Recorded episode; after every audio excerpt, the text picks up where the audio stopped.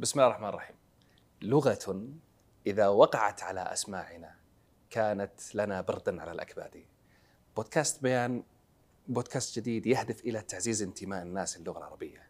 في هذا البودكاست نحاول أن نظهر جمال هذه اللغة ونظهر عراقتها ونظهر امتدادها العريق في التاريخ. في حلقتنا الأولى استضفنا أديبا سعوديا عظيما وناقدا كبيرا الأستاذ حسين بافقي. طوف بنا في مساحات شاسعة في هذه الحلقة. لكن قبل أن نذهب إلى الحلقة آه، أريد أن أشكر مؤسسة آه، الجاسر الإنسانية على رعايتهم لهذا البودكاست. آه، فلهم جزيل الشكر وكذلك الشكر لدار تشكيل التي استضافتنا في تصوير هذه الحلقات وتابعونا في حسابات بودكاست بيان في اليوتيوب وفي تويتر. وأترككم مع هذه الحلقة الجميلة بإذن الله.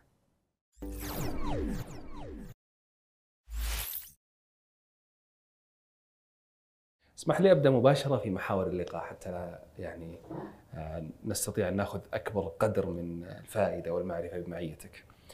آه، أول شيء بتكلم في في محاور قد تكون شخصية، طبعا نحن حلقتنا ستكون عن الشذرات في البلاغة والنقد، لكن دعني أبدأ بمحاولة يعني تلطيف الأجواء بأحاديث أشبه بالأحاديث الشخصية.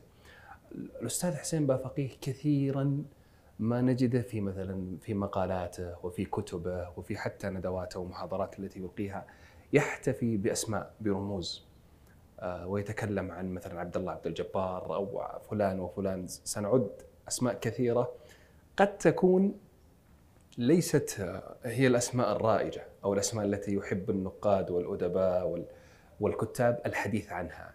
نجد الأستاذ حسين يحاول التركيز على هذه الأسماء وإظهار الإرث الثقافي العظيم الذي آه، كان لديهم.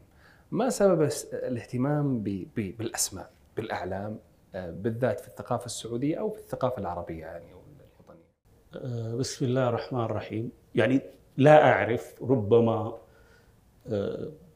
تكون الأسباب متعددة جزء منها يعود إلى أسباب شخصية ممكن أنا شخص يعني مغرم بالأسماء وعلى مستوى الكتابة أنا مشغوف جدا بكتب التراجم والسير في تراثنا العربي القديم. أقرأ يعني بفضل الله سبحانه وتعالى ربما يوميا في هذه الكتب. وربما كذلك يعني لأسباب تتصل بمسيرتي يعني أنا أذكر حينما كنت في الثانوية التجارية أنا درست في الثانوية التجارية في جدة وكان صديقي الأستاذ عبد الله الطياري وهو من الصحفيين المخضرمين الكبار في جريدة عكاظ واقترح أن نلتقي بالأستاذ الأديب الكبير محمد حسين زيدان. طبعا محمد حسين زيدان أديب سعودي عظيم.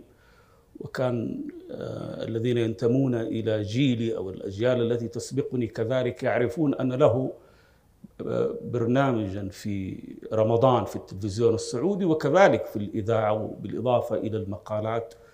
وكان متحدثا بارعا وحكاء متميزا لا آه، يمل حديثه.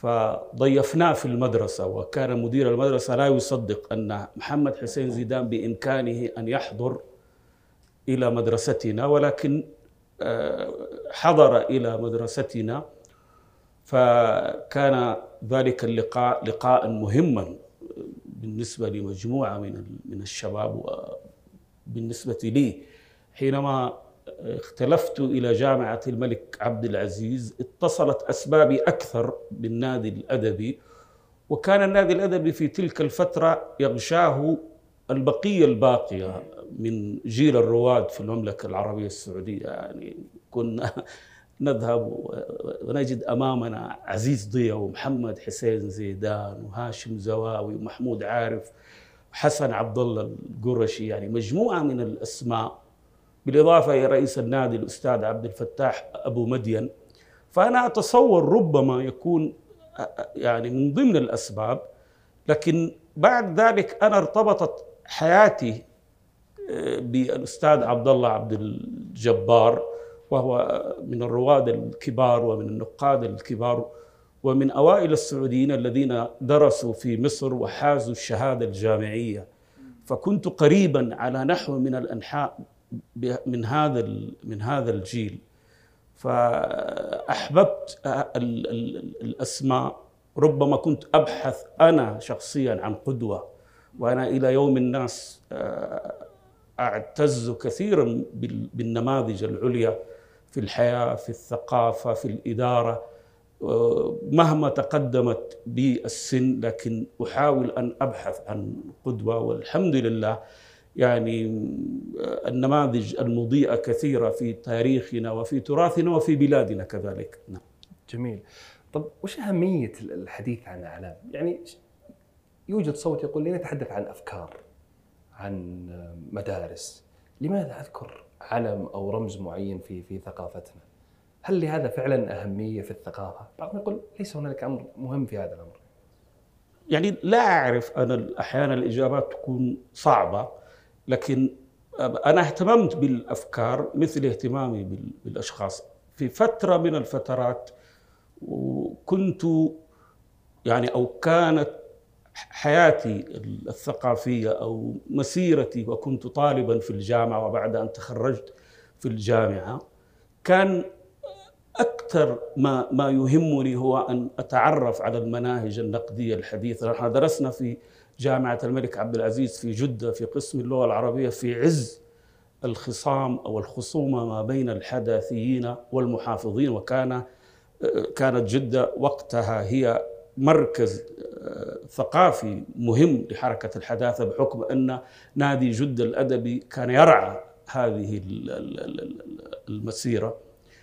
لكنني بعد بعد ذلك وجدت أن يعني أقصى ما يمكن أن أصل إليه هو أن أن أكون مجترا للأفكار أو أن أكون شارحا من من من الشراح. مصادفة يعني تحدثت في حلقة من الحلقات الحلقات عن حركة النقد الأدبي في المملكة العربية السعودية. وبدأت بجيل الرواد وكانت معرفتي في تلك المرحلة بجيل الرواد ليست يعني بالمعرفة العميقة أو أو الكبيرة لكنني تحدثت عن الأستاذ عبد الله عبد الجبار في الحلقة الحلقة الحلقة الأولى والأستاذ محمد حسن عواد. وما كنت لأظن أن ذلك المقال الذي نشرته في جريدة الرياض سوف يحدث صدى جيدا عند الأستاذ عبد الله عبد الجبار. فحينما تعرفت وجدت نفسي أمام أمام تاريخ عظيم. عبد الله عبد الجبار بالإضافة إلى قيمته العلمية. عبد الله عبد الجبار نموذج في القيم. ربما أراد الله سبحانه وتعالى لي الخير أن تعرفت على هذا الرجل معرفة وثيقة وكنت أتعلم منه. قبل الأدب وقبل الثقافة وقبل المعرفة كيف تكون المروءات؟ ذلك رجل كان نمطا صعبا من من الرجال وكان آه، أسلوبه في الحياة آه، يصلح لقدوة وكنت أحاول أن أبحث عن قدوة. فربما ربما آه، التقطت هذه الأسماء فأصبحت لا شعوريا أبحث عن هذه النماذج. نعم. ومن أجل ذلك أنت قلت قلت في في مقدمة أحد كتبك ليتني لم أعرف عبد الله عبد الجبار. لأنه فعلا أن يكون لك أن أن تجد رمزا وقدوة بهذا السمو القيمي والأخلاقي وكذلك العلمي والأدبي يجعلك يعني في صراع داخلي دائم مع نفسك. ودعني أقول لك مسألة مهمة. يعني من حق أي مثقف أي كاتب أي قارئ أن يبحث عن طريق هو يعبده ويسير فيه. يعني بفضل الله سبحانه وتعالى أنا وجدت طريقي. يعني كان بالإمكان أن أكون في خير احوالي واحدا من من من شراح حركة النقد الحداثي في المملكة. يعني كنت مرددا. أنا لا يعني لا أدعي أنني حققت شيئا كبيرا ولكن ما ما استطعت أن أحققه من أشياء ولو كانت متواضعة. يعني هي تخصني أنا وتخص الثقافة في في في المملكة. أنا يعني عبر سنوات طويلة الآن صار لدي تصور لفكرة الثقافة في المملكة بل في الجزيرة العربية. يعني صار لدي هذا الاهتمام بالمملكة. آه، لديها إرث ثقافي مهم. بحكم أنها آه، تقع في الجزء الأكبر من الجزيرة العربية وهي الجزيرة العربية تكون الرأس مال الرمزي. في فترة من الفترات كانت الجزيرة العربية وجهات أخرى من عالمنا العربي آه، يعني غير مهتم بها تحت دعاوى المركز والهامش فضاعت كثير من القيم الثقافية التي كانت موجودة في هذه البلدان ومن ضمنها المملكة العربية السعودية، يعني لدينا تراث. أنا حينما أتحدث فقط عن مئة سنة من عمر الثقافة الحديثة في المملكة العربية السعودية أنا أتحدث عن مشروع ضخم وأسماء كثيرة. يعني يعني خليني أتحدث بشيء من الحس الوطني. يعني ما المانع أن نتحدث عن حمزة شحاتة وحمد الجاسر وعبد القدوس الأنصاري وعبد الله عبد الجبار ومحمد العقيلي وعبد الرحمن العبيد. يعني لدينا حركة ثقافية كبيرة. آه، أنا أتصور أنه أن من من من حق الثقافة في هذه الجزيرة بعد صمت دام ما يقرب من عشرة قرون أن يهتم بها. فإن لم يهتم أبناؤها بها فمن هو الذي سيهتم. نعم. جميل جميل. الله يعطيك العافية. دعني إذا الآن أنتقل إلى صلب حديثنا. آه، حلقتنا ستكون بإذن الله عن البلاغة والنقد. آه، أبدأ بالحديث عن البلاغة. هناك صوت آه، جارف أو دعني أقول يطرح كثيرا أن البلاغة علم نضج واحترق انتهى. لا حاجة له بالذات مع علم مع أساليب الكتابة الحديثة والمدارس النقدية أصبحوا يرون أنه لا أهمية لموضوع البلاغة وأصبح التركيز أو أصبح يستثقل مثلا التركيز على المحسنات البديعية من جناس وطباق وإذا وظفتها بشكل دعنا نقول كبير في النص يعتبر مثلبة وعيب بينما كان سابقا يعني يفرد الرجل عضلاته أو الكاتب عضلاته فيها. فكيف نرد على هذه الفكرة؟ فكرة أن البلاغة علم احترق ولا حاجة له في في أسلوب الكتابة في هذا هذا إذا احترق يعني هي المقولة آه، قديمة جدا للزركشي في كتاب القواعد الفقهية وأشار إليها السيوطي في كتابه الأشباه والنظائر في النحو وراجت في العصر الحديث على يد أمين الخولي، أمين الخولي كان اماما عظيما ومجددا كبيرا في علم التفسير وفي البلاغة وفي اللغة فكان يتحدث حديث العارف والعالم أن أسلافنا أو أن بعض أسلافنا كانوا يقولون آه، إن لدينا علوما آه، بعضها نضج واحترق كان يشير إلى إلى علم النحو أظن والفقه ويشير بفرح كبير إلى أن هناك علوما لم تنضج ولم تحترق ومن بينها علم البلاغة والتفسير وهو كان مشغولا بالبلاغة وبالتفسير ولديه كتب مهمة وهو رأس مدرسة كبيرة في في التفسير البياني. فهو حينما قال إن البلاغة يعني أسلافنا يقولون إن البلاغة علم لم ينضج ولم يحترق فإن في ذلك فسحة لنا لكي نقول قولا في البلاغة. يعني البلاغة علم غير مغلق غير مغلق. آه، يعني بعض النقاد والأسمي نحن في في لقاء ثقافي وأنا كتبت في هذه المسألة الدكتور عبد الله الغذامي لا أعرف من أين جاء بهذه الكلمة بأن البلاغة يقول أمين الخولي إن البلاغة علم نضج واحترق وأمين الخولي لم يقل هذا الكلام لأنه نقله عن السيوطي عن الزركشي. فللأسف أحدثت هذه المقولة ما ما ما يمكن أن نسميه بمصطلحات الدكتور عبد الله الغذابي نفسه أحدثت عما ثقافيا فراجت في بعض الأوساط العلمية والأكاديمية. المؤسف المؤسف أننا ننقل دون أن نتحقق. يعني حينما أقول إن والله أمين الخولي طيب أضعف الإيمان أرجع إلى أمين الخولي. يعني الكتب موجودة ومتوفرة. راجت هذه الكلمة في الأوساط الأكاديمية. مع أن الكلمة هي في صالح البلاغة طبعا هي المقولة ليست قاعدة أصولية متفق عليها. يعني الزركشي واحد قالها يعني ربما قالها في جلسة وناسة ربما قالها مازحا ربما قالها جادا. يعني لي يعني يعني هذه المقولة بإمكاننا أن نتحاور عليها. هل النحو فعلا نضج واحترق هل الفقه نضج واحترق يعني لا ينبغي لنا أن أن يعني أن نردد المقولات دون أن نفحصها. هي مقولة من المقولات. قالها الزركشي ورددها السيوطي وأشاعها أمين الخولي. ونقلها الدكتور عبد الله الغذامي خطأ. وراج الخطأ. فمن مهمتنا نحن المثقفين نحن القراء أن نصحح المعلومة. لا هي المقولة بحسب أمين الخولي مقولة جيدة بأن البلاغة ها لا يزال لنا فيها فسحة من القول كي نجدد وكان هو أحد المجددين. أما مسألة البلاغة أنا أذكر مقولة آه، للشيخ الدكتور محمد أبو موسى وهو يعني علم من الأعلام الكبار في الدرس البلاغي كان يقول ويكرر في في غير كتاب من كتبه العبرة ليست في البلاغة العبرة في توظيف توظيفنا للبلاغة العبرة كذلك ليست في في النقد الأدبي الحديث.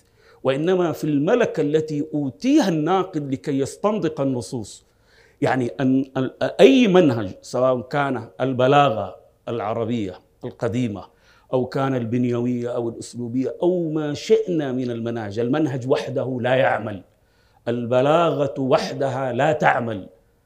دائما يعني آه، القارئ لا يبحث عن فكرة آه، الأدوات يبحث عما نسميه في العامية. بعدين أو ثم ماذا؟ بإمكان أي طالب يدرس في الثانوية وأنا كنت معلما في للغة العربية في الثانوية أن يستخرج من القطعة السابقة مشبها ومشبها به واستعارة مكنية. طيب ماذا يفعل إذا استخرج هذه الأشياء؟ هل, هل استكشف جماليات النص؟ لا. حتى لو استعرنا مقولات الأسلوبية الإحصائية وأخذنا كل المقولات النقدية إن لم يكن الناقد أو القارئ عارفا فهذه الأدوات أو المناهج لا قيمة لها سواء كانت البلاغة أو كان أي منهج. لكن البلاغة هذه إرث من علومنا. هذه قيمة من من قيمنا. يعني نحن لا يمكن أن أن أن نفصل البلاغه العربيه ولا النحو العربي عن أصول الفقه وعن الفقه وعلم الكلام. يعني في كثير من الأمور في التفسير علميا أنا لا أتحدث من ناحية دينية ولا من ناحية عاطفية. ما تركب. يعني يعني ما تركب إني أنا أجي بمقولات موجودة في في الغرب. صالحة لثقافة معينة وأركبها قصرا على آه، كتاب في الفقه أو كتاب في التفسير. وهل من مصلحة أمة أن تضيع إرثها وتاريخها وأمجادها؟ يعني يعني لا عيب في أن يغار أحدنا على تراثه وثقافته. فليقل إننا يعني متخلفون لا بأس فلنرضى بالتخلف لكنني سوف أضرب مثالا لرجل معدود في من كبار المفكرين آه، الذين آه، جاهدوا من سبيل التحديث إلى أن توفى الله. الدكتور نصر حامد أبو زيد رحمة الله عليه كتب مرة في واحد من من من كتبه عن نظرية العامل في النحو وتحدث حديثا يخالف كل الأقوال التي يرددها الآخذون أو أتباع المدرسة الوصفية في الدراسات اللغوية الحديثة. وبلغ به الأمر أن قال كلمة تشبه الكلمة التي قلتها إنه لا عيب أن أن أدافع عن النحو العربي. فنصر حامد أبو زيد كي نعيد النظر كذلك في الأسماء ولا نمارس الظلم عليهم ينبغي أن نقرأهم قراءة جيدة. نصر حامد أبو زيد في دراسته العظيمة تلك كان يدافع عن النحو العربي وما قلل ذلك من مقامه ومكانته بوصفه واحدا من المفكرين والنقاد الذين حاربوا من أجل التحديث وحورب رحمة الله عليه وتعرفون قصته. نعم. جميل. دعني أنطلق من نفس هذه الفكرة أستاذ. كيف نجمع بين الأصالة والتحديث؟ يعني للأسف آه، دائما دعاة التحديث يكونون متطرفين نوعا ما في الدعوة إلى التحديث يجعلك يريد يريدك أن تكتب نصا منفصلا عن تراثك وعن آه، لغتك السابقة ولا يشبه إلا نفسه. كيف نستطيع أن نجمع بين الأصالة أن يكون الرجل أو الكاتب اصيلا في كتابته وفي ذات الوقت يحدث ولا يكون مقلدا أو نسخة شوهاء من أدب قديم. يعني هذا سؤال صعب ومعليش أنا أعده سؤالا مائعا يعني ولا يخصك أنت. يعني يعني هذه الأسئلة التي أحيانا لا نستطيع أن نجيب عنها إجابة يعني محددة. آه، يعني أنا أرى أن كثيرا من من من روادنا في الثقافة العربية الحديثة إلى يوم الناس هذا هم يجمعون ما بين التراث والحداثة. يعني كمال أبو ديب يعني هل كمال أبو ديب هذا الناقد الكبير كان شخصا بسيطا أو من غمار الناس في في في معرفته بالتراث العربي كان من أعمق العارفين بالبلاغة العربية القديمة ولديه تصورات وحماسة بالغة أحيانا لا تجدها عند كثيرين من المحافظين. جابر عصفور كذلك. إذا رجعنا إلى شكري عياد إلى صلاح فضل إلى مجموعة مجموعة كبيرة. أنا أنا أتصور أن يعني الآن يوجد لدينا شيء من من التعادل ما بين ما بين الأخذ بالمقولات أو الامتدادات التراثية والاستفادة من معطيات العصر. لا شك وهذه خيارات يعني أن لدينا مفكرين وباحثين يميلون إلى القديم ويبدعون فيه ويجددون فيه وكذلك لدينا مفكرون أو أدباء يأخذون بالحديث. العبرة بالأصالة. طبعا الأصالة لا أعني بها العودة إلى الماضي. أن يكون المثقف اصيلا. يعني هل يمكن أن يقال عن محمود شاكر والله إن محمود شاكر آه، مقلد؟ لا يمكن. أو محمد أبو موسى. أنا أتصور وأنا قارئ جيد لمحمد أبو موسى. ما يقدمه محمد أبو موسى في في الدرس البلاغي يعني يفوق كثيرا من المقولات التي يرددها نقاد الحداثة.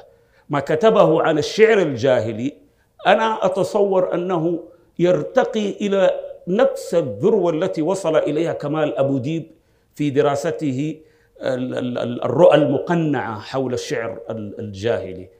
يعني لا تغرنا العمامة الأزهرية أو أو أو الشكل التقليدي.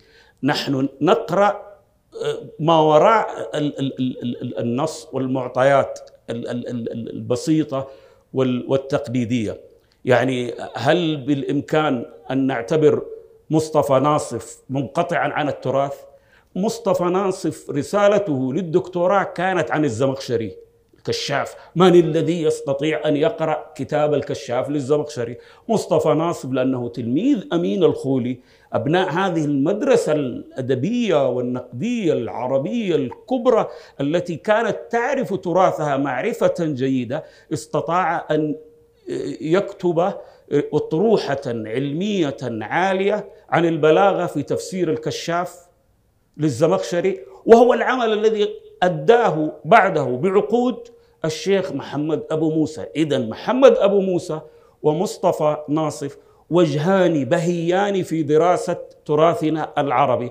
حتى لو يعني بادي الرأي قلنا إن مصطفى ناصف من رواد النقد الحداثي. نعم لكن هل نعلم إن مصطفى ناصف في كتبه المتأخرة وحينما أتحدث عن كتبه المتأخرة أعني ربما سبعة كتب كان يتحدث بألم وغضب عن النقاد العرب المحدثين الذين يسخرون من شروح التلخيص. وكان يقول إن من عيوبنا في ثقافتنا العربية الحديثة أننا غير جيدي الصلة بشروح التلخيص. لم يتحدث عن عبد القاهر. وأصول الفقه والتفسير. إذا نحن أمام آه، ناقد حداثي يعرف ماذا يقول وبإمكاننا أن نعده آه، صوتا من الأصوات الأصيلة. نعم. أتكلم عن فكرة يعني على هذه يا في مسألة ما الأهمية من ذلك يعني؟ ما الأهمية آه، أن يكون الناقد الذي يكتب بلغة أو الناقد المعاصر له ارتباط وثيق بعلوم قد تكون لدى بعض الناس يرى أنها علوم قديمة. أتت الآن مدارس نقدية كثيرة قد لا تلتفت إلى البلاغة. يعني لا نقول بنوية ما بعد البنيويه وما بعد الحداثة ليس لها ارتباط. أو لما يقرأ القارئ النص الأدبي ويحاول تحليله أو نقده لا يتكلم عن مسألة البلاغة والمحسنات البديعية والبيان والمعاني. ينتقل إلى ربما يراها هو أنها مرحلة أبعد من هذا الأمر. يعني العلوم الإنسانية لا تسقط بالتقادم. هذه كتب تؤسس لمعرفة آه، كبيرة مبنية على الاستمرارية والاتصال يعني أنا حينما أتحدث عن آه، عبد القاهر الجرجاني أنا أتحدث كذلك عن الجاحظ بل أتحدث عن المقولات الأدبية والثقافية التي كانت تدور في العصر الجاهلي. وربما نحن نستخف بهذه المقولات لكن هذه المقولات هي التي أسست الثقافة العربية. يعني حينما جاء بعد ذلك السكاكي في مفتاح العلوم ماذا فعل؟ حاول أن يضع قواعد أو قوانين للبلاغه العربيه التي قرأها واستوعبها عند عبد القاهر الجرجاني وال وال وال والكشاف. لأن للأمانة يعني من يقرأ دلائل الإعجاز أو أسرار البلاغة يجد أن هناك يعني ما يشبه السيولة ويحير وقراءة عبد القاهر متعبة. هو يريد أن يضع قواعد للعلم هذا. لكن نلاحظ أن ثقافتنا مبنية على الاستمرارية. بمعنى أنه حينما يؤلف كتاب يتحول إلى إلى رأس قبيلة إلى شجرة نسب. يعني يعني شجرة نسب. فاستمرت شجرة النسب إلى يوم الناس هذا يعني إلى عصرنا هذا. هناك بلاغة أستاذ عبد الله والإخوة والأخوات لا تزال تغتذي من جذور بلاغتنا العربية. ربما نحن لا نتنبه. آه، إليها. اليوم يعني بعد آه، بفضل الله سبحانه وتعالى ثم بالجهود العظيمة التي قدمها الدكتور محمد أبو موسى لدينا مدرسة بلاغية غير تقليدية يعني غير تعليمية غير مدرسية. العيب فينا العيب فينا كقراء كأناس متخصصين مثلا في اللغة العربية والأدب أن لا نلتفت إلى هذه البلاغة. إلى يعني لا نلتفت إلى مثل هذه الكتب لكنها كتب موجودة ومبنية على جملة من التراكمات. يعني أنا أستطيع أن أقول لدينا مدرسة من أبرز رجالاتها مثلا محمد أبو موسى ومحمد أبو موسى يرتفع نسبه العلمي إلى شخص غير أزهري لكنه أثر في الثقافة العربية كلها. إلى الشيخ محمود شاكر. محمود شاكر ابن علمي للشيخ سيد بن علي المرصفي الذي هو أستاذ كذلك لطه حسين ولزكي مبارك ولأحمد حسن الزيات. سيد بن علي المرصفي هو تلميذ للشيخ محمد عبده أول من أدخل دلائل الإعجاز وأسرار البلاغة في مناهج الأزهر الشريف بوصفها حركة إحياء.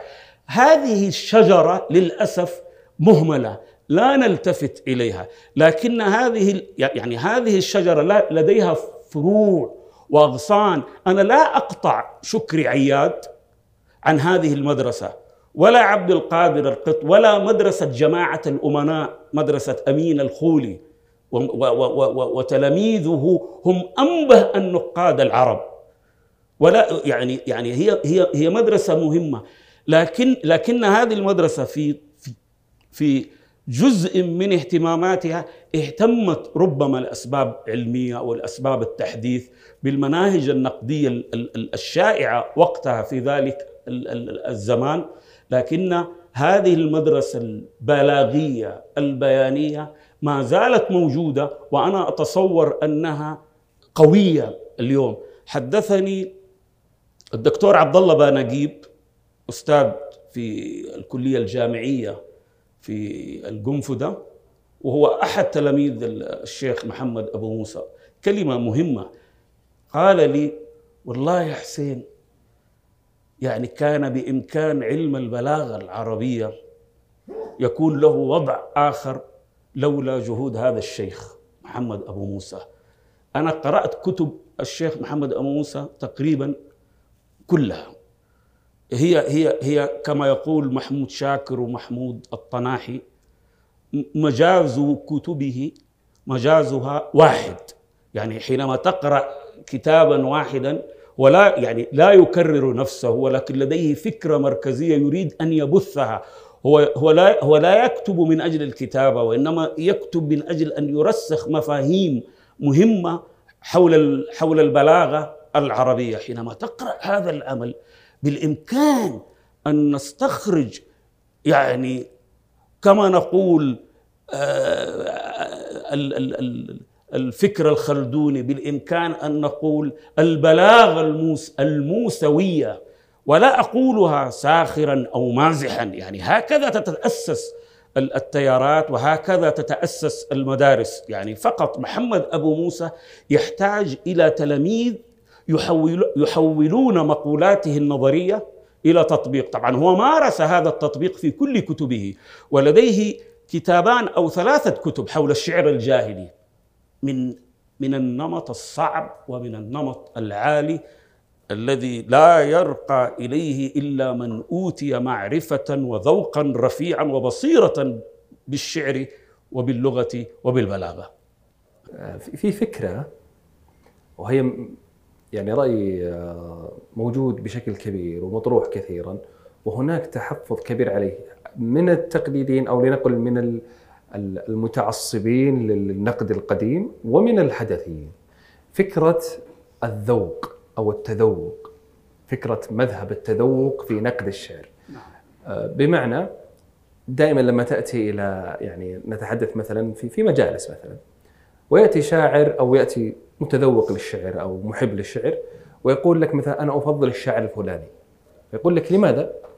فتعطي أسباب لنقل هي أسباب إنشائية ليست معادلات رياضية فيقول لا ما هي المعايير التي اعتمدت فيها على نق أو على تقييمك لهذا الشاعر وجعلته مثلا في منزلة عالية آه ثم يقول إنه لا يحق لأحد أن يقيم أو يعطي انطباعا نقديا عن أي نص إلا أن يكون متمكنا من أدوات نقدية معينة ويكون هناك معايير يستند عليها. وفي صوت وأظنك يعني في في بعض مقالاتك كنت آه، تؤيد هذا هذا الصوت أنه لا يكفي الانطلاق من من المعايير، يجب أن يكون للناقد ذوق واستبصار بمكامن الجمال. وربما يكون هذا مذهب مثلا محمد شاكر في في في دراسته للمتنبي آه، فما رأيك في في في هذا الرأي؟ وفي الرأي الذي يجعل النقد عبارة عن كم مرة ذكر كذا وكم مرة ذكر كذا ويصبح أشبه بشيء رياضي. يعني العرب تقول كل إناء بالذي فيه ينضح. بمعنى يعني نملأ هذا الكوب ماء سينضح ماء عصيرا اللي يكون غاز حتى بنزين. لا يمكن أنا لا أتصور. يعني لو لم أكن مثلا أنا أو أي إنسان يعني محب للشعر يعني ما امتلأ فؤاده أو قلبه قراءات في الشعر أو متابعة عميقة للسينما. يعني صعب يتذوق. يعني أنا يعني لا أتصور أن المنهج أو الهياكل فلنعد مرة أخرى. يعني لا أتصور أن البلاغة وحدها دون معرفة حقيقية بالشعر دون هذا الذوق المدرب دون هذه الدربة المرانة في معرفة الأساليب في معرفة طرق الشعراء في في الكتابة. والله تأتي وأنا درست البلاغة ومن الألف للياء ولكني لم أقرأ في عمري ها قصيدة واحدة. طيب البلاغة وحدها لا تعمل. يعني البلاغة هذه أدوات المناهج هذه مساعدة ها. أهم شيء هو الذوق أن يكون لدي ذوق حتى أتعرف أتذوق يعني الذوق جاي من الذوق الحاسة حاسة اللسان. ها ولكنها نقلت إلى إلى الفنون إلى الآداب. لا بأس. العلم ينفع المناهج تنفع لكن قبل ذلك لابد أن يكون لدى القارئ لدى الناقد بصيرة. البصيرة هذه مجموعة خبرات آه، كبيرة. آه، وحدها الأدوات لا لا تعمل. يعني حينما أنا أمسك قصيدة وأقعد أفككها بالكامل وأتورط بعد ذلك لا أستطيع أن أعيد تركيبها. يعني ورطه هذه. طيب الفعل مضارع وفعل ماضي وفعل ما نعرف مين واسماء أسماء ذكور وأسماء إناث وأسماء مدن. طيب وبعدين؟ طيب يعني يعني هل مجرد تفتيت القصيدة إلى هذه الحقول أنا أتحدث هنا في مجال النقد الأدبي ربما يكون هذا الكلام مفيدا جدا في بحوث أخرى في اللغة وفي الأدب. أنا أتحدث عن النقد الأدب عن, عن النواحي الجمالية كيف أتذوق قصيدة. آه، أظن إبراهيم ابن إسحاق الموصلي هو صاحب المقول المهمة. إن من الأشياء أشياء تحيط بها المعرفة ولا تؤديها الصفة.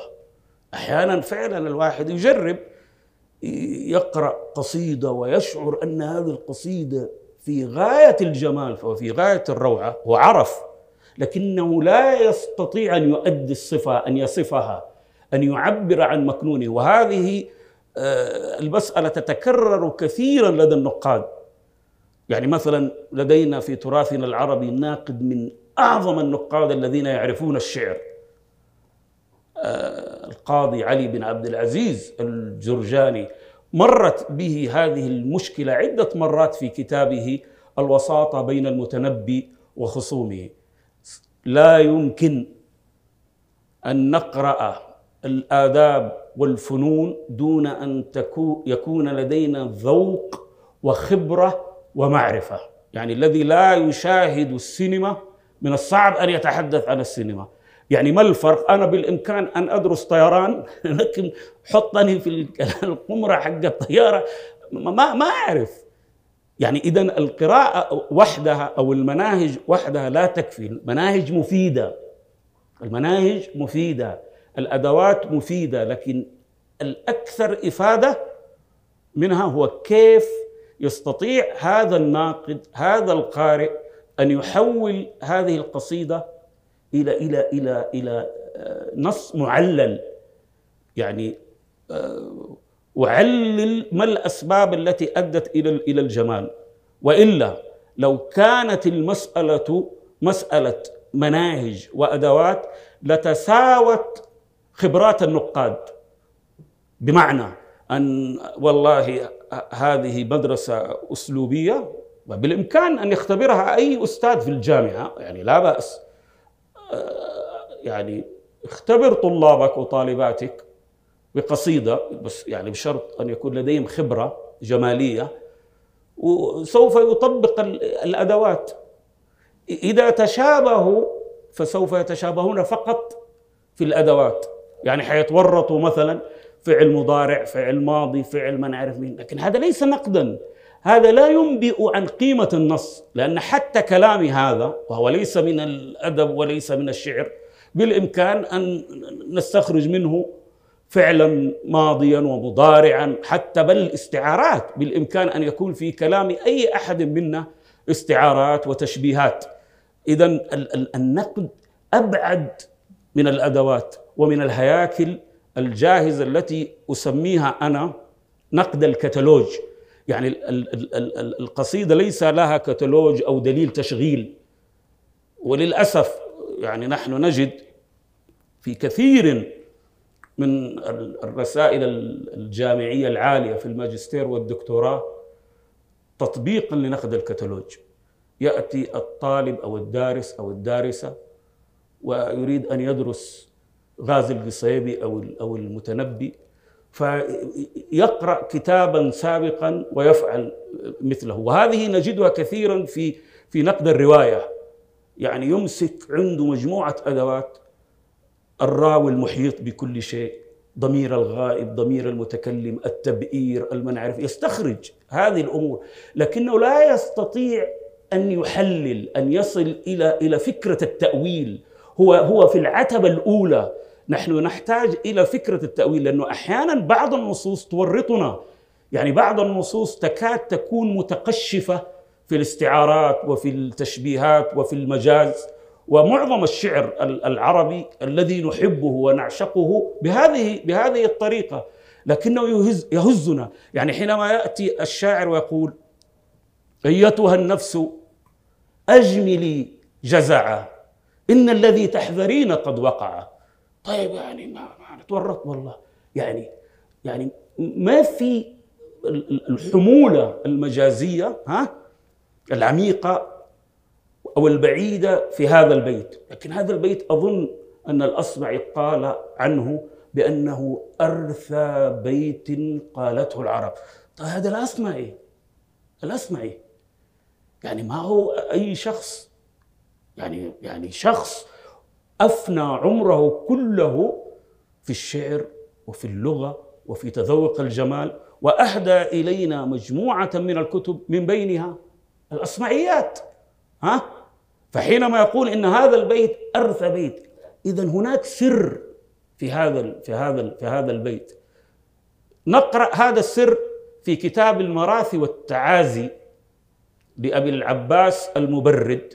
حينما أورد هذا البيت أيتها النفس اجملي جزعا. إن الذي تحذرين قد وقع هو يرثي أرث بيت.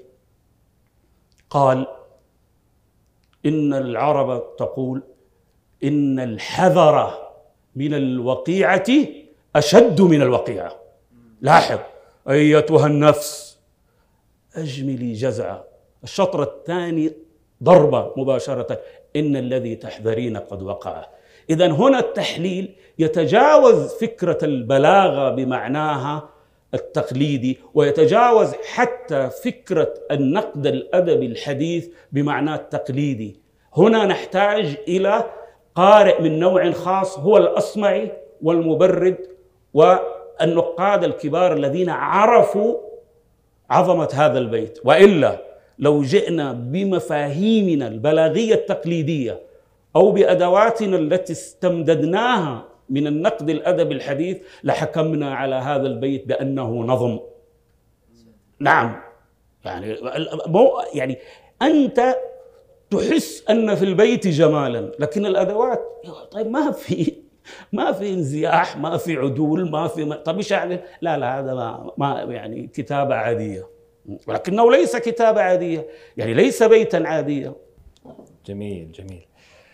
طيب أستاذ بتكلم عن فكرة آه،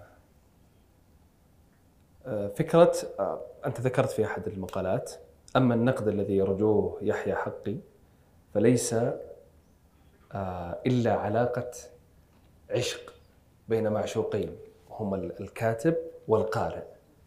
كيف يمكن أن فعلا أن نصل إلى إلى فكرة أنه النص هو عبارة عن عبارة عن علاقة حب بين كاتب وقارئ.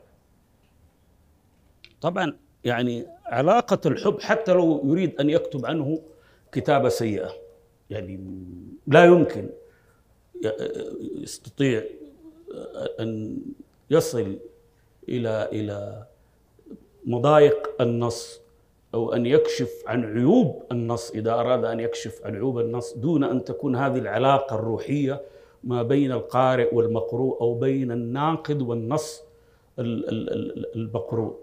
وفعلا يعني العلاقة ما بين القارئ بلاش أقول الناقد ما بين القارئ والنص هي علاقة محبة. يعني نحن نقرأ وهذا الكلام يعرفه النقاد المتمرسون. أرجع للقاضي علي أبو الحسن علي بن عبد العزيز الجورجاني يقول في كتابه الوساطة إننا يعني معنى الكلام إننا نقف إزاء قصيدتين. استكملتا كل وجوه البلاغة والاستعاره ومجاز وتشبيهات. لكننا نجد أنفسنا تميل إلى هذه القصيدة وتعرض عن تلك القصيدة. اذا المسألة مسألة إيه؟ في في شيء في النص يوشك أن يكون روحا. يعني لاحظ القصيدتان ها استكملت كل الأشكال البرانية للبلاغة للجمال تشبيه استعارة. لكن الميل أنا أميل إلى هذه القصيدة. أستطيع أن أستكشف ما فيها من جمال لكنني أعرض أو أجفو هذه القصيدة. اذا المسألة فعلا مسألة محبة ومسألة عشق والجمال ليس رياضيات وليس علوما خالصة. يعني أنا أستطيع أن أثبت لك بالمقاييس العلمية كذا كذا لكن ماذا أفعل؟ إذا جاء واحد وقال والله أنا لا يعجبني أحمد شوقي. طب أنا أحمد شوقي يعجبني. أنا أستطيع أن أعلل أقرب ها؟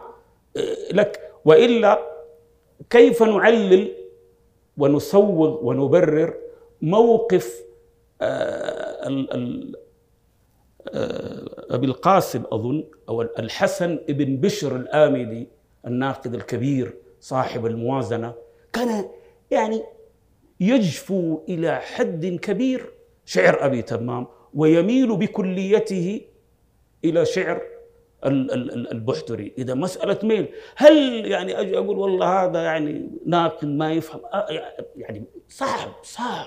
لكن أنا أستطيع أن أعيدها طبعا إلى الذوق إلى الخبرات إلى إلى إلى أحيانا إلى الاشتغالات النقدية. والاشتغالات اللغوية. حينما احتفلت مجلة فصول قبل نحو ثلاثين سنة بمرور خمسين سنة على وفاة أحمد شوقي وحافظ إبراهيم استكتبت مجموعة من الكتاب من ضمنهم الناقد الكبير كمال أبو ديب. كتب في مقدمة كتابة الفصل الكبير الذي كتبه عن أحمد شوقي. معنى الكلام أنني لست من نقاد شوقي. يعني يعني هو لا يجد ميلا ممكن إلى إلى أحمد شوقي. حينما نقرأ مختارات أدونيس من الشعر العربي أظن عصر النهضة أو أو كذا يعني كتب مقدمة لأحمد شوقي عن أحمد شوقي ثم اختار مجموعة من القصائد. أنا حينما أقرأ مقولات أدونيس أخرج من هذه المقولات أن أحمد شوقي لا يستطيع أو لا يعرف أن يكتب شعرا. لماذا؟ لأنه انطلق هو محق طبعا. انطلق من مقاييسه هو من مقاييسه هو. يعني حينما الآن تأتي بمقاييس محمد أبو موسى لا يمكن يكون بدر شاكر السياب شاعرا. يعني لاحظ الحكم على الشيء فرع من تصوره. إذا نحن هنا أمام مقاييس فضفاضة تخضع بالدرجة الأولى لمسألة الوجدان والذوق والخبرات. وإلا خير الدين الزركلي يعني هل أحد يشكك في عظمة خير الدين الزركلي شاعرا من شعراء الإحياء وكان عالما كبيرا في اللغة والتاريخ حينما ترجم لبدر شاكر السياب؟ أديب أديب أظن يا أديب أو متأدب عراقي له نظم له نظم. عجيب. بمقاييس خير الدين الزركلي الذي لا يستسيغ شعر التفعيله هذه مقاييسه. أنا ماذا أفعل يعني يعني به؟ يعني هو هو بمقاييسه. لكن هل أحكم هنا على خير الدين الزركلي لأنه والله هذا لا يفهم لا يعرف؟ هو لا يستسيغ ربما لا يفهم في الشعر التفعيل لا لأنه لا يحبه. عمر فروخ وأنا محب لعمر فروخ لديه كتاب مهم جدا اسمه هذا الشعر الحديث. كذلك عمر فروخ وهو عالم في الشعر وهو يكتب شعرا لا يستسيغ شعر التفعيله ولا يستسيغ الشعر المنثور ولا يستسيغ آه، آه، قصيدة النثر. هي مبنية على ماذا؟ على خبرات وعلى ذوق وعلى معرفة. يعني لا يعني لا نستطيع أن أن نقصر الناس ولا القراء على ما نريد وعلى ما نعتقده. نعم. جميل جميل. طيب أه بتكلم عن فكرة قد تكون هي الفكرة قبل الاخيره في هذا اللقاء.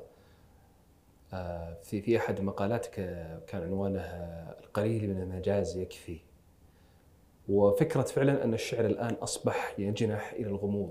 يعني رموز الشعراء الآن اللي يحتفى بهم ونحب أن نسمع قصائدهم قد نختلف في تلك الجلسة مثلا. آه، لما نقرأ قصيدة مثلا لدرويش مثلا تجد أنه كل واحد يستطيع أن يفهمها بفهم خاص به أو يشتركون في جزء منها ثم يغيب آه، أو يهيم كل واحد في فهم لجزء كبير من القصيدة. ففكرة فعلا طغيان المجاز والاستعارات في الشعر الحالي وأنا أعرف لديك رأي في بعض الشعراء الرموز الذين يعني يعتبرون من يعني إذا أردنا أن نعد شعر مثلا العربي في في القرن الماضي مثل درويش مثل الثبيتي مثل تجد فعلا كثير من قصائدهم فيها شيء يعني يجعلك أن تقول هو جميل لكنك تغيب في دوامة من المجازات التي قد آه، تضيعك في الطريق إلى الوصول لهذا الجمال. لا يعني محمود درويش إلى حد كبير شاعر آه، قريب من الناس، محمود درويش يعني أحيانا تحس برومانسياته يعني هو في فترة من الفترات حينما يعني نسيت اسماء الدواوين يعني كتب مجموعة من الدواوين لكن يبدو حتى أنها تجربة هو نفسه لم يكررها. لكن محمود درويش شاعر القصيدة القريبة من من الناس. هي المشكلة أنا كتبت هو مقال. كان في يوم من الأيام القصيدة الشطرية أو القصيده العمودية كانت تعاني مشكلة لطغيان شعر التفعيله أنا أتحدث هنا في المملكة وقصيدة النثر.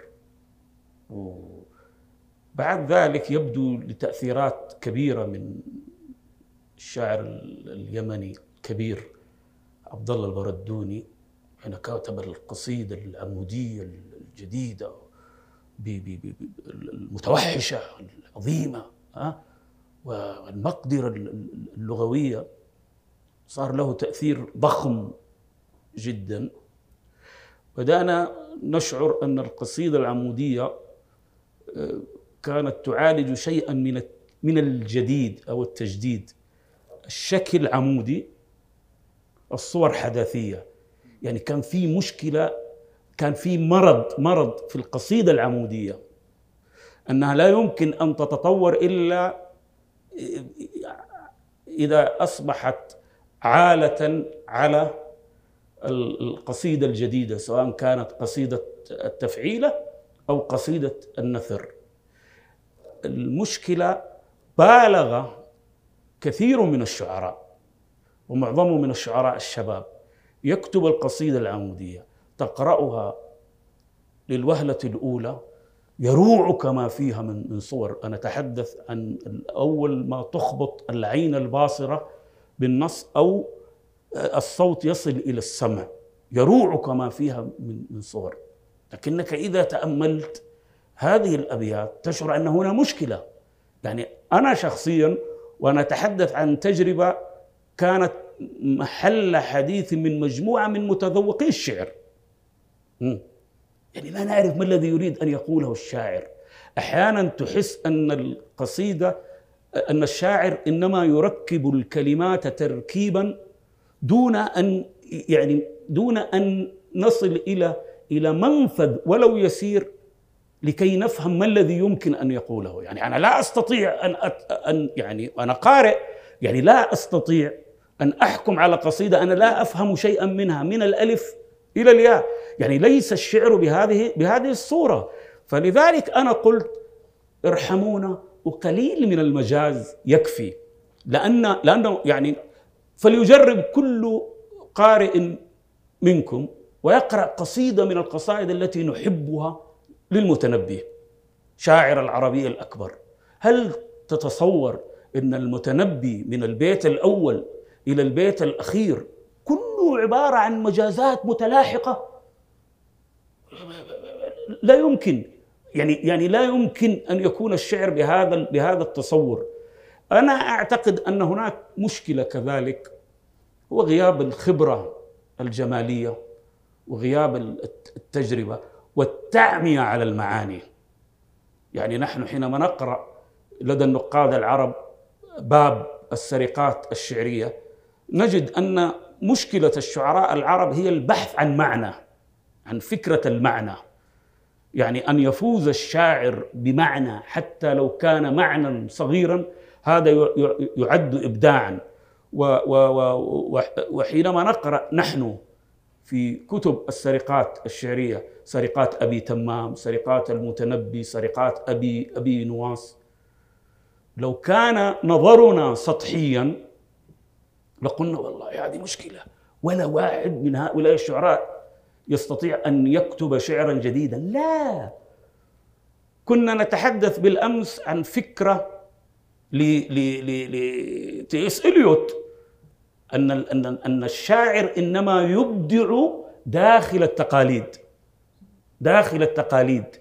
يعني لا يوجد شاعر حقيقي ها يعني منقطع عن تقاليد الشعر الثقافة التي ينتمي إليها.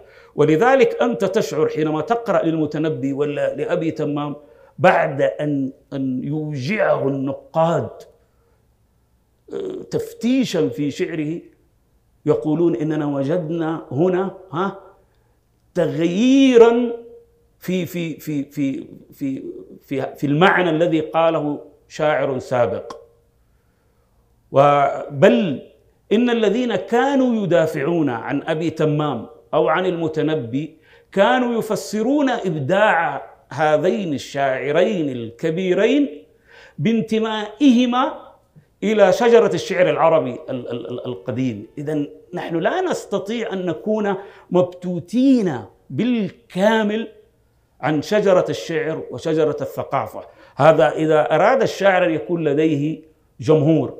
أما يعني مجرد أن يعني أن أركب كلمات وأسوق هذه الكلمات كيفما اتفق ثم أقول والله هذا هو الإبداع الجديد والقصيدة التي هذا والقصيدة التي لا تشبه إلا نفسها. لا توجد قصيدة لشاعر حقيقي تشبه نفسها. كل القصائد لها آباء ويعني ينتمون إلى أعمق أعماق التاريخ بدليل أننا حينما نقرأ لشاعر ربما دون أن يدرك نشعر أن في هذه القصيدة شيئا من أبي العلاء المعري أو امرئ القيس أو محمود درويش. طبعا بعض الشعراء يغضبون ويسالون لا لا أنا أنا لا أنا يعني أريد أن أقول القصيدة الجديدة. لا يمكن. شعراء العصر الجاهلي هم أعظم شعراء العربية. لانهم هم الشعراء الذي نزل القرآن الكريم في عصرهم يعني أو بعيد عصرهم يعني بعضهم أدرك الإسلام. فمعنى ذلك أن القرآن نزل القرآن الكريم نزل في في في أمة هي في أعلى نماذج البلاغة والقدرة اللغوية كما يقول الشيخ محمود شاكر والدكتور محمد أبو موسى. ومع ذلك نحن نقرأ آه، يعني تقاليد معينة للشعر الجاهلي.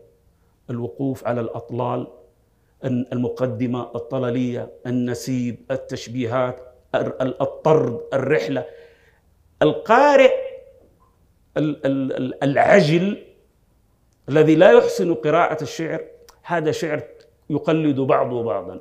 لكن حينما تصل إلى بعض النقاد الذين لديهم مقدرة في قراءة هذا الشعر يفرق ما بين معلقة لبيد ومعلقة امرئ القيس ويجد أن أن هناك اختلافا كبيرا داخل إطار التقاليد. هذا ربما ما أردت قوله. نعم. جميل جميل رائع. على النقيض من هذا أستاذ حسين في فكرة آه، العاطفة. كذلك إحنا نتكلم عن الشعر المليء بالمجازات آه، قد يكون ليس هو الشعر يعني الأفضل في الكتابة وكذلك هناك الشعر الذي يحتوي على عاطفة وتجد القصيدة فيها شوق وحب ومعاني عاطفية جميلة ثم لما تبحث عن عن لغة تجد لا توجد هذه اللغة العالية أو هذه هذا الشعر الحقيقي. ففكرة كذلك العاطفة واعتماد الشعراء فقط على العاطفة في كتابتهم لقصائدهم. أليس فعلا الانطلاق من العاطفة آه، هو الأصل في الشعر؟ وهناك آه، مقولة أيضا أن الشعر الحقيقي هو الذي يكتب في آه، غفلة من عيون العاطفة، بمعنى أنك إذا كنت في حالة شوق شديد إذا فترت هذه الحالة تستطيع أن تكتب الشعر الجميل. يعني طبعا العاطفة وحدها لا تكفي والشاعر ترى على فكرة يعني الشاعر ليس من الضروري أن يكون أكثر الناس عاطفة يعني أحيانا تجد شعراء والله العظيم ما تستطيع أن تجالسهم أو كذا لكنه شاعر موهوب. ويعني لو كانت المسألة على البكا اذا أن الدابات بالإمكان أن يكونوا أفضل الشعراء. نرجع لتي اس إليوت يقول الشعر ليس عاطفة إنما هو هروب من العاطفة. الشاعر الذي ينظم القصيدة. يعني مثلا يعني لا قدر الله حدث حادث أو ما نعرف ما يقول والله أترك المشكلة ويخلو إلى نفسه ويكتب قصيدة. ما, ما يعني لا تأتي لابد من يعني مسافة ما بينه وبين ال ال ال ال هذه الحالة حتى يستطيع أن يكتب. لأنه إذا كتب ربما لا يرضى الذوق وهو ولا يرضى هو كذلك بما يعني بما كتب. الدكتور محمد مندور لديه عبارة جميلة. يسمي هذا الضرب من الشعر أو من العواطف يسميه طرطشة عاطفية. فعلا والله أحيانا نقرأ شعرا هو عبارة عن طرطشة عاطفية. تأوهات وبكائيات لكنه يعني طب هو هو يظن انه لأنه هو كتبها لأنه يعني خطيبته تركته ولا كذا إلى آخره. ويظن أنه مجرد أن يعبر عن هذه التجربة هو إنه إنه نحن سوف نبكي كذلك ونتألم. الشاعر صانع. شاعر صانع. الشاعر يحتاج إلى حاجة مهمة إلى الموهبة. لكن هل تعتقد أن المتنبي كل ما أراد أن يكتب قصيدة في كافور الاقشيدي وكان يكتب أعظم القصائد؟ عواطف مشبوبة. لا لا يمكن. ولا أحمد شوقي ولا أي شاعر من الشعراء بدليل إنه بالإمكان وهو ليس مصنع شعر لكن لديه القدرة على الكتابة. لدينا والله مناسبة وطنية تعال اكتب لنا قصيدة. إذا كان شاعرا موهوبا يستطيع أن يكتب قصيدة. بدليل أنه حينما عقد مؤتمر عن أبي تمام في بغداد جاء مجموعة كبيرة من الشعراء ويعني كلهم اراد أرادوا أن يكتبوا قصائد عن أبي تمام. صلاح عبد الصبور وهو شاعر كبير. والله كتب قصيدة أي كلام الحق يقال أي كلام وأنا أحب صلاح عبد الصبور. لكن قصيدة البردوني البائية العظيمة. اذا هنا هنا لدينا هو عاش التجربة يريد أن يكتب فكتب تلك القصيدة العظيمة. اذا العاطفة نحتاج برضو إلى قليل من العاطفة حتى لا تصبح طرطشة عاطفية أو بيوعه كمان. يعني نحن أحيانا نقرأ شعرا مائعا. كلنا حينما كنا أو مش كلنا أنا ما مريت بهذه التجربة لكن زمان.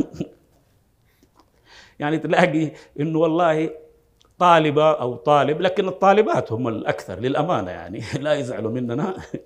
عندهم دفتر ما أدري شو يسموه. مذكرات. أنا أخواتي كان عندهم منه اللي أحيانا يكتبوا الذكرى ناقوس يدق على المن عارف مين وكذا هذه عبارة يعني بلاغية. أو أحيانا يكتبنا أو يكتب الشاب بعض الخواطر ثم إذا نضج ولذلك أدب الخواطر أدب مظلوم في في أدبنا ال- ال- الحديث. ويقرأ مثلا لبعض الكتاب العاطفيين فإذا إذا تجاوز هذه الفترة العاطفية يعني بطل يقرأ لهؤلاء لهؤلاء الشعراء أو ال أو كتاب النثر. بمعنى انه العاطفة وحدها لا تصنع ادبا وأنه من الأوهام ومن الأخطاء التي ينبغي أن تصحح أن الشاعر هو أكثر الناس عاطفة. لا بالإمكان أن يكون من أكثر الناس غلاسه ولكنه شاعر شاعر كبير. وال, وال, وال يعني حينما نقرأ في تراثنا لدينا شعراء لا يطاقون. نعم لكنه شاعر كبير. ومن أفضل الأشياء أن تقرأ للأديب أو للمثقف وتحب ما يكتب لكن من الأفضل لك الا تصاحبه أو أن تتعرف عليه. نعم. جميل جميل. مصداقا لما ذكرت أستاذ حسين مثلا المتنبي آه، مثلا آه، المتنبي دفع له ليكتب ليكتب رثاء في في رجل توفي دفع له ابنائه فكتب قصيدة من أعظم المراثي اللي اللي كان فيها إني لا أعلم واللبيب بصير أن الحياة وإن زعمت غرور. لكل ما كنت أعلم قبل ما كنت أرجو قبل نعشك أن أرى رضوى على على أيدي الرجال يسير. شوف الوصف. آه، كنت قبل فترة في بيت صديق من الأصدقاء. وكنا نتكلم يعني في لديه مجموعة من النماذج والتحف. وكان يقول إنه ما يمكن فنان إنه يعني يرسم شغلة أو يصنع مجسما أو تمثالا إلا إذا كان يعني يعيش حالة كده إيه روحية. فكان لديه مجسم للكعبة المشرفة أو للمسجد الحرام في بيته شيء جميل. قلت له هذا فين مصنوع؟ قال لي في الصين. قلت له تتوقع الصيني يعني عاش حالة إيمانية؟ لا هو لم يعش حالة إيمانية لكنه فنان وصانع. فنان وصانع. ف... فالعواطف يعني قليلة من العواطف. يكفي. نعم. جميل. طيب الآن أخذنا ساعة وعشر دقائق ولا نريد أن نطيل عليك أكثر لكن أريد أن تتكلم في محور أخير. أعتقد أنه حديث سيكون محبب إلى قلبك فربما لا يكون فيه ذلك الجهد. عن طه حسين. آه، من من استقراء شخصي. ال- في الإعداد للحلقة يعني قرأت آه، كل كل مقالاتك قرأتها. فكان طه حسين كثيرا ما يتردد. رغم أني أعرف مثلا ان انك قد تكون أكثر ربما أشعر أن أكثر توافق مثلا مع محمود شاكر. لكن في ذات الوقت أجد لا فيه أشبه بحب ربما علاقة آه، شغف بطه حسين وكتابات طه حسين. والله أنا يعني يعني هو طبعا كل قارئ لديه مجموعة من الكتاب. أنا يعني أعترف بأني محب ومحب جدا لطه حسين أحبه اديبا وناقدا ومفكرا ورجلا من كبار رجالات العصر لا شك في ذلك. وطبعا أنا الحب لدي الحب الثقافي أو الحب الفكري ليس شيكا على بياض. يعني أنا أختلف آه، يعني ربما تجدني أكتب كتاب اليوم عن طه حسين آه، أتحدث فيه عن علاقة روحية أو أدبية بيني وبين كتبه وفي الغد أتحدث عن موقف أرفضه علميا وليس عاطفيا فقط موقف طه حسين من من الشعر الجاهلي أو تولع طه حسين بفكرة الثقافة اليونانية التي يعني صار يحتقر كل شيء غير الثقافة اليونانية، لا هذه مواقف نرفضها. يعني لا شك في ذلك، لكن طه حسين هو طه حسين على هامش السيرة. طه حسين هو حديث الأربعاء. طه حسين هو الذي كان يدافع دفاعا مستميتا عن الثقافة العربية عن الشعر العربي. طه حسين هو الذي آه، اختار أنجب طلابه لكي يبتعثهم إلى الأندلس أو إلى إسبانيا ليتخصصوا في الدراسات الأندلسية. جيل عبد العزيز الأهواني ولطفي عبد البديع ومحمود الدكتور مكي محمود مكي ومجموعة من الأسماء يعني لديه آه، أياد بيضاء وعظيمة على ثقافتنا ولديه غيرة على على هذه الثقافة. لكن نحن لا نتحدث عن قديس ولا نتحدث يعني في مسائل دينية نحن نتحدث نتحدث في مسائل, مسائل ثقافية. الرجل يصيب ويخطئ يعني حتى محمود شاكر أنا من المحبين لمحمود شاكر وأقرأه باستمرار وأشعر أن محمود شاكر من أفضاله على الثقافة العربية. والله ومن أفضاله علي أنا قال أتحدث عن تجربتي الخاصة مع محمود شاكر أنه أعاد إلي الاطمئنان والثقة بالعلم وبالمعرفة وليس بالعواطف بهذا التراث العربي العظيم الذي ننتمي إليه. كان في يوم من الأيام يعني مركبات نقص كان الواحد يخجل في فترة من الفترات أن أن يقرأ لشاعر قديم أن يتحدث عن كتاب قديم. والمشكلة أن طه حسين للأسف هو السبب في هذه المشكلة. يعني طه حسين الذي زهدنا شككنا في الشعر الجاهلي في كتابه في الشعر الجاهلي. هو طه حسين الذي أصبح يتألم ألما كبيرا في كتابه حديث الأربعاء عن انصراف المثقفين في عصره عن الشعر القديم. نعم. لا يعني نحن لا نتحدث هنا في مسائل دينية يا أستاذ يعرب نحن نتحدث عن عن آراء أدبية. هو أي مثقف؟ المثقف ليس نبيا. الإنسان الكامل هو النبي محمد صلى الله عليه وسلم. الباقون لديهم درجات في في الوصول إلى الفضل إلى إلى إلى التوخي إلى يعني بلوغ درجة من درجات الكمال. لكن نحن لا ناخذ طه حسين كتلة واحدة. للأسف طه حسين يختصر مرة أو لدي في يعني في حركة تنازع. المتدينون أو المحافظون يحاولون أن يختطفوه إلى ساحتهم. على هامش السيرة والفتنة الكبرى والإسلاميات الرائعة. الا يعني نحن نعرف من خلال التواريخ أن طه حسين في نفس الفترة التي ألف فيها الإسلاميات هذه ورطة للدارسين. طلع كتابه مستقبل الثقافة في مصر. طيب ماذا نفعل؟ كيف نحلها يعني في نفس الفترة تقريبا التي أخرج فيها إسلامياته التي همنا بها أخرج كتابه مستقبل الثقافة في مصر. هذه لها سياق وهذه لها سياق. يعني هذه الكتب لها سياقات. فنحن لا يعني لا ننزع المثقف عن عصره بل لا ننتزعه من سياقه الخاص به. لكن في الإجمال بلا شك بلا شك يعني طه حسين هبة من هبات السماء لهذه الثقافة العربية في العصر الحاضر. نعم. الأستاذ الكبير حسين بفقيه أنا سعيد جدا أني كنت بمعيتك هذه الليلة في الحلقة الأولى من بودكاست بيان. وأنا يعني أعتذر جدا على أني يعني ربما كنا نشفت ريقك نوعا ما يعني. الله يخليك. لكن نحن والله متعطشون وسعيدين جدا بطرحك. ولا زلنا والله يعني نرغب باحاديث أكثر ولن نمل لكن لا نريد أن نطيل أكثر من ذلك. أنا شاكر جدا لإجابتك الدعوة وتكبدك مشقة وعناء السفر لتسجيل هذه الحلقة.